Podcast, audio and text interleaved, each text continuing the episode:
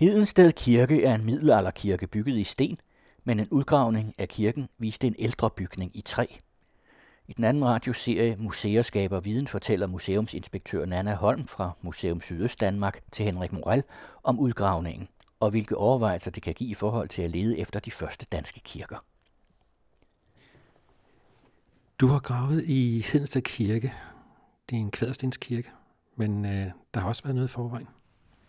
Ja, altså Hedensted Kirke, som den står i dag, er jo resultatet af rigtig mange byggefaser. Øh, men den ældste kirke, det man kan se, er en kvaderstenskirke, som er bygget i omkring 1150, og som oprindeligt har bestået af et kor og et skib. Altså skibet er den del af kirkebygningen, som vi i dag, når vi kommer til en gudstjeneste, sidder inde i. Og koret er, er der, hvor alderet står. Men før vi fik den her kvaderstenskirke, bygget i omkring 1150 i Hedensted, så har der stået nogle bygninger af træ. Om det har været trækirker, eller om det har været værtslige bygninger, det ved vi ikke. Men øh, mange stolpehuller fandt vi i hvert fald. Det var sådan, at da vi lavede udgravningerne i Hedensted Kirke i 2007 og 2008, det er en undersøgelse, der er lavet af Nationalmuseet i forbindelse med, at man skulle have gulvvarme i Hedensted Kirke. Så fandt vi utrolig mange spændende lag selvfølgelig fra, fra selve kirkens funktionsperiode, altså den nuværende kirke. Men noget af det, jeg synes var allermest interessant ved den udgravning, det var jo selvfølgelig de lag, som var ældre end den nuværende kirke, og som lå under de ældste gulve. Vi fandt nemlig flere stolpehuller og et lergulv, som øh, stratigrafisk tydeligt kan, kan ses, at det er ældre end den nuværende stenkirke. Og det leder selvfølgelig tankerne hen på, om det her det skulle være en trækirke, nu når den lå så præcist under den nuværende kirke, eller hvad det var. Tilbage i 2007, da vi fandt de første stolpehuller, rendte vi jo rundt og tænkte, vi har fundet en, en trækirke, og efterhånden som vi registrerede de her stolpehuller, blev vi mere og mere frustreret, fordi vi simpelthen ikke kunne få den her trækirkeform, som vi forestillede os, den skulle være. Altså bestående af et rektangulært skib og et, et kvadratisk kor, der sad for inden, som man ved stolpehullerne vil se som seks eller otte stolper, der ligesom står på række og danner skibet, og en fire eller seks stolper, lidt indsnævret i forhold til skibet, som så skulle danne koret. Det kunne vi ikke få ud af det materiale, vi stod med. Og derudover så fandt vi jo også det her lergulv omkring nogle af stolperne. Men altså lergulv, der også gik ud på det, man kan kalde for bagsiden af stolperne. Det vil sige, at stolperne havde altså ikke stået i det her hus i væggen, men havde stået inde i huset, præcis på samme måde, som vi også kender det fra forhistoriske huse, altså fra jernalderen og fra vikingetiden, og når vi går endnu længere tilbage. Så de altså stået som sådan nogle indre tagbærende stolper, og væggen skulle altså findes minimum en halv meter længere ude end, end de her stolper. Og det satte jo tankerne i gang, for hvis vi finder det her i Hedensted Kirke, hvad er det så, man har fundet så mange andre steder, når man har gravet ind i kirkerne? Så vi gik i gang med en større arkæologisk undersøgelse også, og fik øh, undersøgt mange af de gamle gravninger. Men øh, I forventede, at kirken skulle se ud på en bestemt måde, trækirken, der skulle være derinde? Ja, altså det klassiske eksempel på en trækirke er jo kirken fra Hørning, som er rekonstrueret på Moskov Museum. Altså den her trækirke fra 1000-tallet med et kor og et skib, og med vægkonstruktionen som den tagbærende konstruktion. For mange har det været sådan den, den klassiske forestilling om, øh, sådan ser en kirke ud, og det gør den jo også, når du kommer i midten af 1100-tallet frem. Eller hvis du kigger til det tidlige materiale fra Lund, med sådan en som øh, Sankt Drotten for eksempel, som jo også er bygget af træ, men er bygget som kor og skib. Men når vi begyndte at gå det her arkivaliske materiale igennem gamle udgravninger, hvad det egentlig var, de havde fundet, så blev der jo sat flere og flere spørgsmålstegn til vores forestilling om, hvad en kirkebygning skulle være, og hvad der egentlig er fundet arkeologisk. Man skal jo altid huske som arkeolog, at vi har nogle forestillinger om, hvordan verden ser ud i dag, og vi har nogle forestillinger om, hvordan ting skal være. Og man skal nogle gange lære at træde det her skridt tilbage og sige, hvad nu hvis de ikke vidste, at en kirke skulle se sådan her ud? Var det virkelig nødvendigt, at en kirke skulle se sådan her ud? Og sådan kigge meget nøgtern på, hvad, hvad materialet faktisk fortæller os, og ikke hvad vi ønsker at finde. Og så skal man også huske at inddrage andre fagvidenskaber. Det kan godt være, at vi har nogle traditioner inden for arkeologien, der siger nogle bestemte ting, men hvis vi for eksempel taler med religionshistorikere, hvad er deres opfattelse så af den tidlige kristendom, og hvor den skulle dyrkes. Og mm, sådan med de her rettænkninger af, de gamle gravninger, og se meget nøgtern på, hvad fandt de faktisk, og ikke kigge på tolkningerne, men kigge på det faktiske materiale, og tale med kloge folk, der ved en masse omkring, øh, hvordan de har opfattelsen af den tidlige kristendom og dyrkelsen af den. Så fandt vi ud af, at man måske skal kigge på det her på, en, på lidt andre måder. Og det prøvede vi så. Vi øh, begyndte at betragte de her stolper som øh, et langhus, som et træskibet langhus, altså som man kender fra jernalderen, som man kender fra vikingetiden. Og øh, det begyndte egentlig at falde meget godt overens med, hvad det var, vi fandt. Vi er lidt usikre på, at materialet er simpelthen ikke stærkt nok i Hedensted Kirke til at sige, om vi har en eller to forudgående bygninger. Det vi i hvert fald kan sige, det er, at den bygning, vi har fundet rester af i koret og i den østligste del af skibet, er en bygning, der er stået umiddelbart forud for, at kirken blev opført. Grunden til, at vi kan sige den her meget præcise kronologi omkring, at den er blevet fjernet umiddelbart før, det er fordi, vi fandt stolpehuller, som stod hule. Stolperne er rådnet væk, og grunden til, at de har stået hule her i Hedensted Kirke, det er fordi, da man opfører øh, stenkirken, den er opført af granitkvader, det vil sige tilhugget granitsten, så alle de her skærver for de mange granitsten, dem har man lagt ud som et fundament eller etableringslag. Det de fungerede fantastisk godt til. De holder fugt ude og er meget stabiliserende. Og dem har man simpelthen lagt over de her stolperester. Meget tyder på, at man har skåret dem af ved, ved jordoverfladen. Man har altså ikke forsøgt at grave dem op eller trække dem op, sådan som vi kender fra andre steder. Og så har skærverne lagt sig, sådan at der ikke kunne falde noget ned i de her stolper. Så de stod altså hule tilbage. Det viser jo så noget med, at den ligger helt op til der, hvor kirken bliver anlagt, og man har de her granitskærver. En anden ting var et lergulv, som lå omkring de her stolper. Når man fandt det, så lå lergulvet hen over selve stolpenedgravningen. Hver gang man skal rejse sådan en bygningskonstruktion, så graver man jo et stort hul. Man sætter sin stolpe ned, og så klapper man til med jord omkring, stamper det godt, så den står stabilt. Og da man så har gjort det, har man lagt et lergulv ud. Og det vil sige, at det her lergulv ligger hen over den stolpe nedgravning, man har lavet, altså for at man kunne sætte stolpen i. Og altså det jord, man har klappet hen omkring. Men det stod ikke der, hvor stolpen var, eller der, hvor stolpen har været. Det vil sige, at vi havde sådan en ring af manglende lergulv, der hvor stolpen har stået op igennem, og som stemte fuldstændig overens med det, der øh, nedenunder var det hulrum, hvor stolpen var rødnet væk i. Det her lergulv kunne vi også se, som sagt, ude på bagsiden af stolperne, altså ud mod den side, hvor man ellers havde forventet, at den væg ville have været. Og dermed indikerer det, at husets væg har stået længere ude. Vi kunne så også se, at det her lergulv er forstyrret af nedgravningerne til den nuværende kirkes fundamenter. Så vi fandt aldrig væggen, og det er også derfor, vi, vi ved ikke, hvor stor den her bygning præcist har været. Vi har regnet med omkring 105 kvadratmeter som minimum, men altså også mulighed for, at den har været større. En del af diskussionen gik nu på, om den her bygning, vi så havde fundet, om det var en ganske almindelig værtslig bygning, er det resterne af en gård, eller er det en kirkebygning? Og der har vi selvfølgelig haft naturvidenskab minde over. På lærgulvet, vi fandt op i koret, fandt vi et smuslag. Rummede det her smuslag noget, der kunne indikere husdyrhold eller kornopbevaring eller andre ting. Der var intet af den type. Vi har heller ikke nogen genstandsfund fra laget, så det er ikke sådan, at vi har fundet tenvægte eller mønter eller andet, der eventuelt kunne være tabt, som sådan ligesom kunne give en indikation af, at vi var et bestemt sted. Men vi havde nogle elementer, der gjorde, at vi blev lidt i tvivl, om det her måske alligevel var en kirke. I den allerøstligste del af stolperne, som vi fandt i koret, der fandt vi øh, en fortykkelse af det her lergulv. Altså på resten af gulvet havde det sådan cirka en, en 5-7 cm i tykkelse, og så med det her smuslag ovenpå. Men hen imod kirkens østende, så blev det her lerlag inden for et bestemt område meget tykt, over 20 cm i tykkelse, og smuslaget var væk. Der var ikke noget smuslag. Det vil sige, at man har ikke gået og trampet på gulvet i det her område.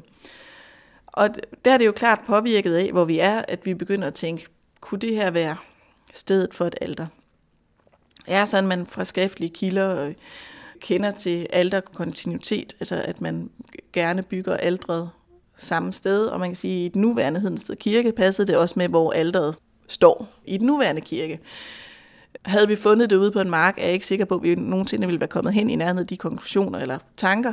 Men det er jo klart, når vi er præcis der, hvor vi er.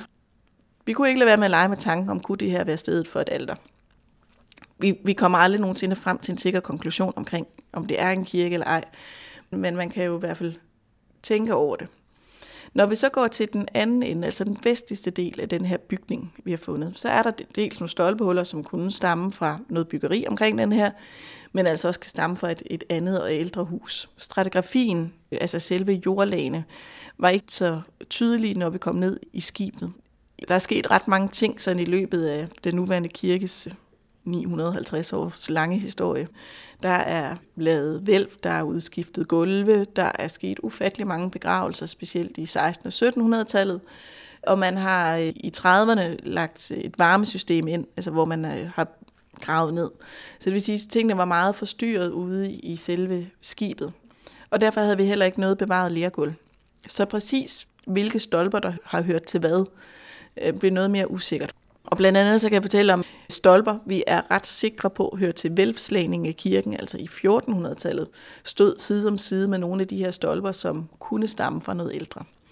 Og det vil sige, at vi begyndte frem for stratigrafien, som jo er den sikre måde at ligesom sige en rækkefølge på. Først så kom det, så kan vi se, at det her ligger ovenover, så kom det, og så kom kirken efterfølgende. Så havde vi de her ting, der stratigrafisk set var lige gamle når man kiggede på dem i jordlagen. Man kunne ikke se, hvor de blev gravet ned fra. På den måde, så kunne de være lige gamle. Men i nogle stolpehuller, så kom der sådan noget som for eksempel tegl. En ret god indikator for, at de er opstået i middelalderen.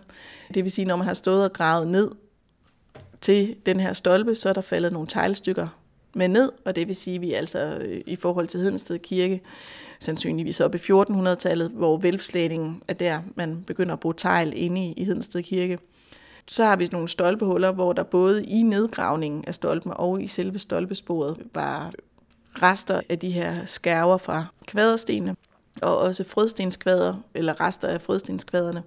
Og det vil sige, at vi er oppe i kirkens byggeperiode, det vil sige nogle stolpehuller, der først er gravet efter det her byggemateriale er introduceret på stedet. Og så har vi altså nogle stolpehuller uden den her forurening af byggematerialer eller hvor der kunne i selve stolpesporet, altså der hvor stolpen er rådnet væk, kunne være trængt lidt rester ned i toppen af de her byggematerialer. Og de stolpehuller kan altså godt være ældre. Men der er vi ude i spekulationer, så dem har vi ikke sådan regnet med på den sikre måde. Udover stolpehullerne i Hedensted Kirke fandt vi også nogle andre interessante ting. Vi fandt blandt andet to brønde. Og de her to brønde, kan man sige, jamen det kan jo bare være en brønd, der hører til den gård, der nu har ligget. Men øh, brøndene havde øh, fuldstændig de samme dimensioner, 2 gange 2 gange 2 meter. Samme dybde, samme udformning.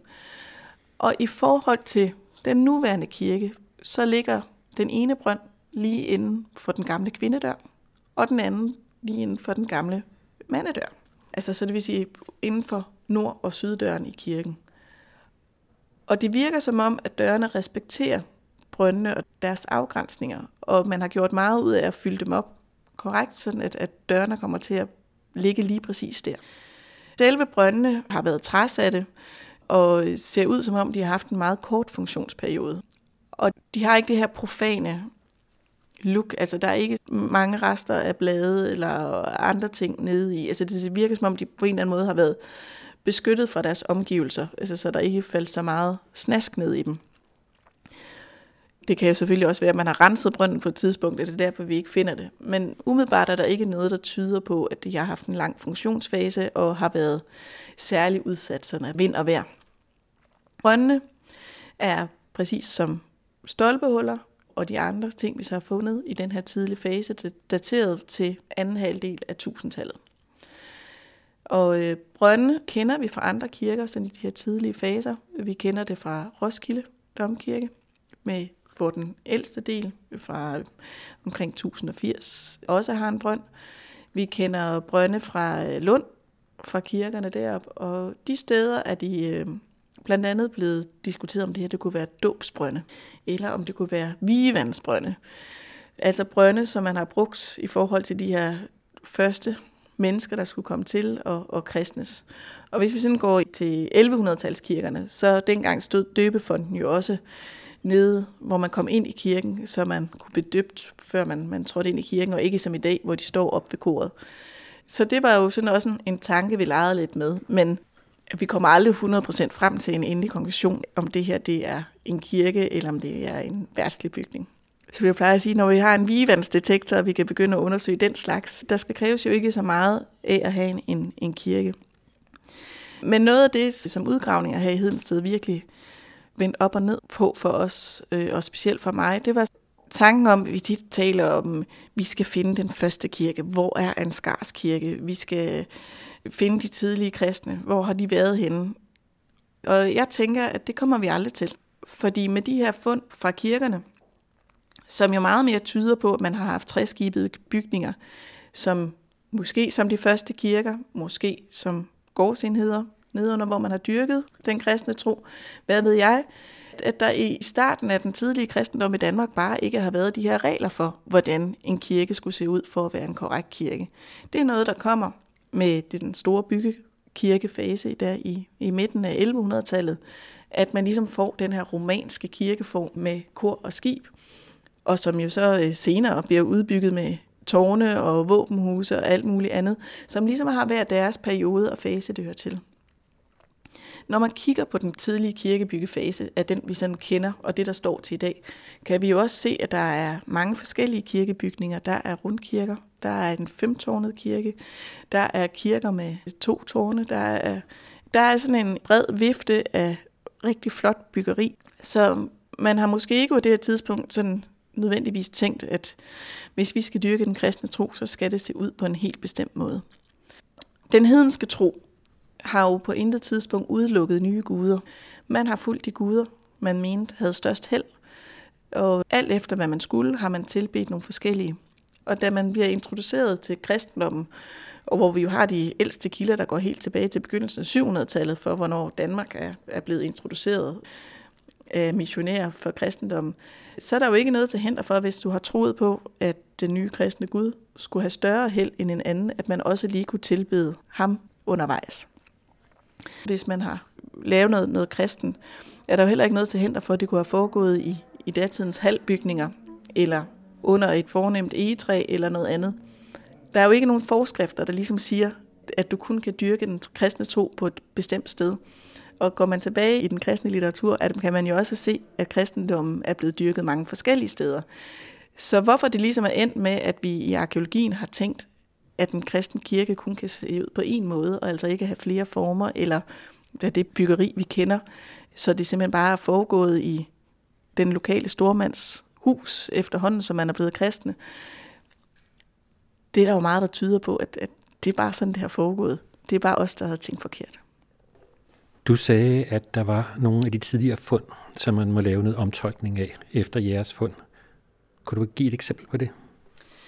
Ja, altså der er jo igennem tiden gravet ufattelig mange kirker, men også øh, gravpladser, hvor man har fundet øh, stolpehuller ude på selve gravpladserne. Og når man så går tilbage i de her fund, så er der tit sådan en diskussion af, øh, hvordan de her stolpehuller kan presses ned i sådan en, en kirkeform. Og særligt gravpladserne, dem hvor vi har gravet sådan store dele af gravpladserne, er utrolig interessante, fordi når du graver ind i kirken, så finder du kun det, der er for de relativt få kvadratmeter, der dækker den nuværende kirke. Og du får altså ikke helheden, ligesom vi i Hedensted jo ikke ved, om den bygning, vi har fundet, fortsætter længere ud mod øst. Og vores idé om det her alter er, er helt hen i vejret, fordi det måske viser sig, hvis vi fik lov at grave ude på selve kirkegården, og hvis de ikke var gravet helt væk af grave, at vi så vil finde en ny østende af kirken, og egentlig finde ud af, at, at huset er fortsat flere meter længere mod øst, end hvad vi tror. Men når man graver på de her kirkegård, nedlagte kirkegård, så får vi sådan et, et samlet billede af, hvordan tingene har set ud. Og et af de steder, hvor der er blevet gravet, et af de få steder, hvor der er blevet fuldstændig udgravet, det er Tiop, som også ligger tæt på Hedensted Kirke op ved Horsens. Og Tiop Kirke er blevet nedlagt ret tidligt, i slutningen af 1200-tallet formentlig. Og hvorfor den er forsvundet, ved vi ikke så meget om. Men den stenkirke, der kommer på stedet, er altså væk, og den finder man fundamenterne til.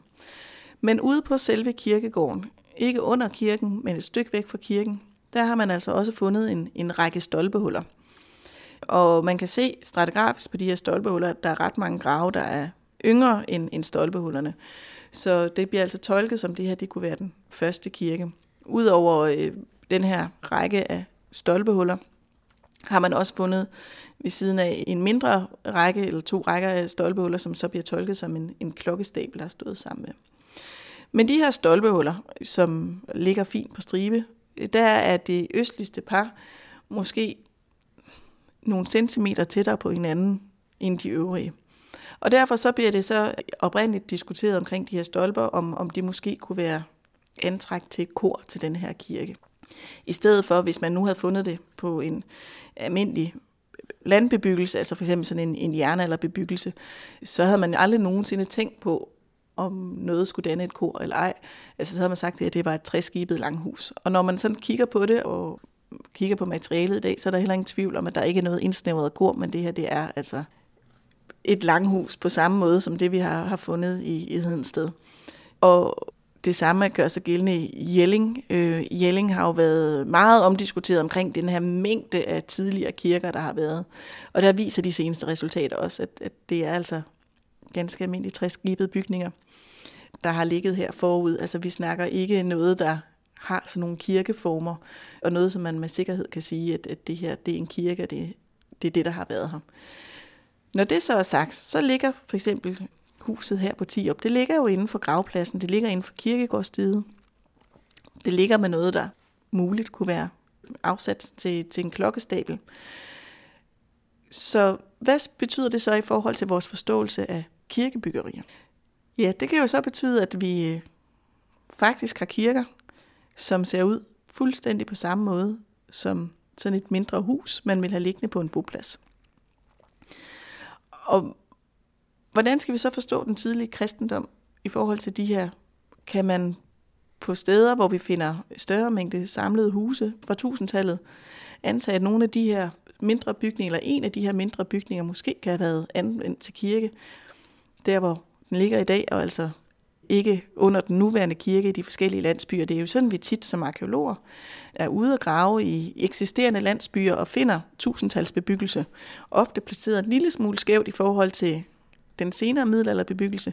Så kan man så forestille sig, at man har haft kirken der, og så har man så senere bygget kirken på den nuværende plads. Det er jo i hvert fald en interessant tanke, og noget vi bliver nødt til at have med os i bagagen, når vi går ud og graver de her steder.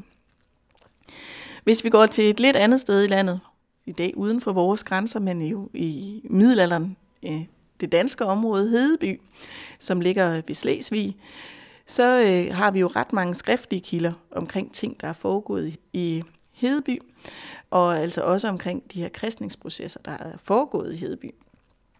Arkeologisk er der blevet fundet øh, genstande, begravelser, både af noget, man med god vilje kan sige, det her det må være kristne begravelser, men altså også klart hedenske begravelser med alt det gravtilbehør, man overhovedet kan tænke sig. I Hedeby har vi jo også skriftlige kilder omkring øh, de første kirkebyggerier. Den skal få lov til at bygge en kirke. Vi har fundet en kirkeklokke, der var, eller i hvert fald en klokke, der var tabt i havnen. Men man har altså også ret gode udgravninger fra Hedeby. Og der er jo ikke noget i Hedeby, der ligesom tyder på, at vi har sådan nogle, noget kirkebyggeri, som det man for eksempel kender fra, fra Lund, hvor man jo også har haft bevaret øh, takkonstruktioner med kor og skib. Men på trods af rigtig gode bevaringsforhold og mange udgravninger i Hedeby, har man altså ikke fundet kirkebygningen, sådan i moderne forstand. Så kunne det tænkes, at man i Hedeby, når man sådan kigger efter en skars kirke, eller måske andre kirker, skal til at begynde at indevende de her værtslige huse, og se, om der er andre ting, der kan indikere, at det her det var stedet, man mødes som kristne. Men igen, det er jo ikke fordi de kristne de afsætter så mange spor. Deres grave er tomme for genstande, og øh, inde i selve kirken altså er det jo ordet, der vejer tungens.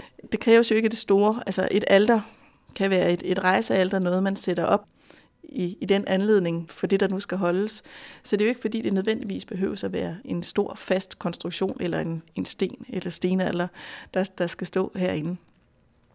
Så vi kan jo have voldsomme problemer med i fremtiden at skulle finde de her kirker, hvis det er, at det begynder at ligne det almindelige byggeri også. Så derfor så er vi jo også glade for, når vi kommer op i middelalderen, at vi ligesom får nogle faste rammer, så vi er sikre på, hvornår vi er i en kirke, og hvornår vi ikke er. Udsendelsen var tilrettelagt af Henrik Moral.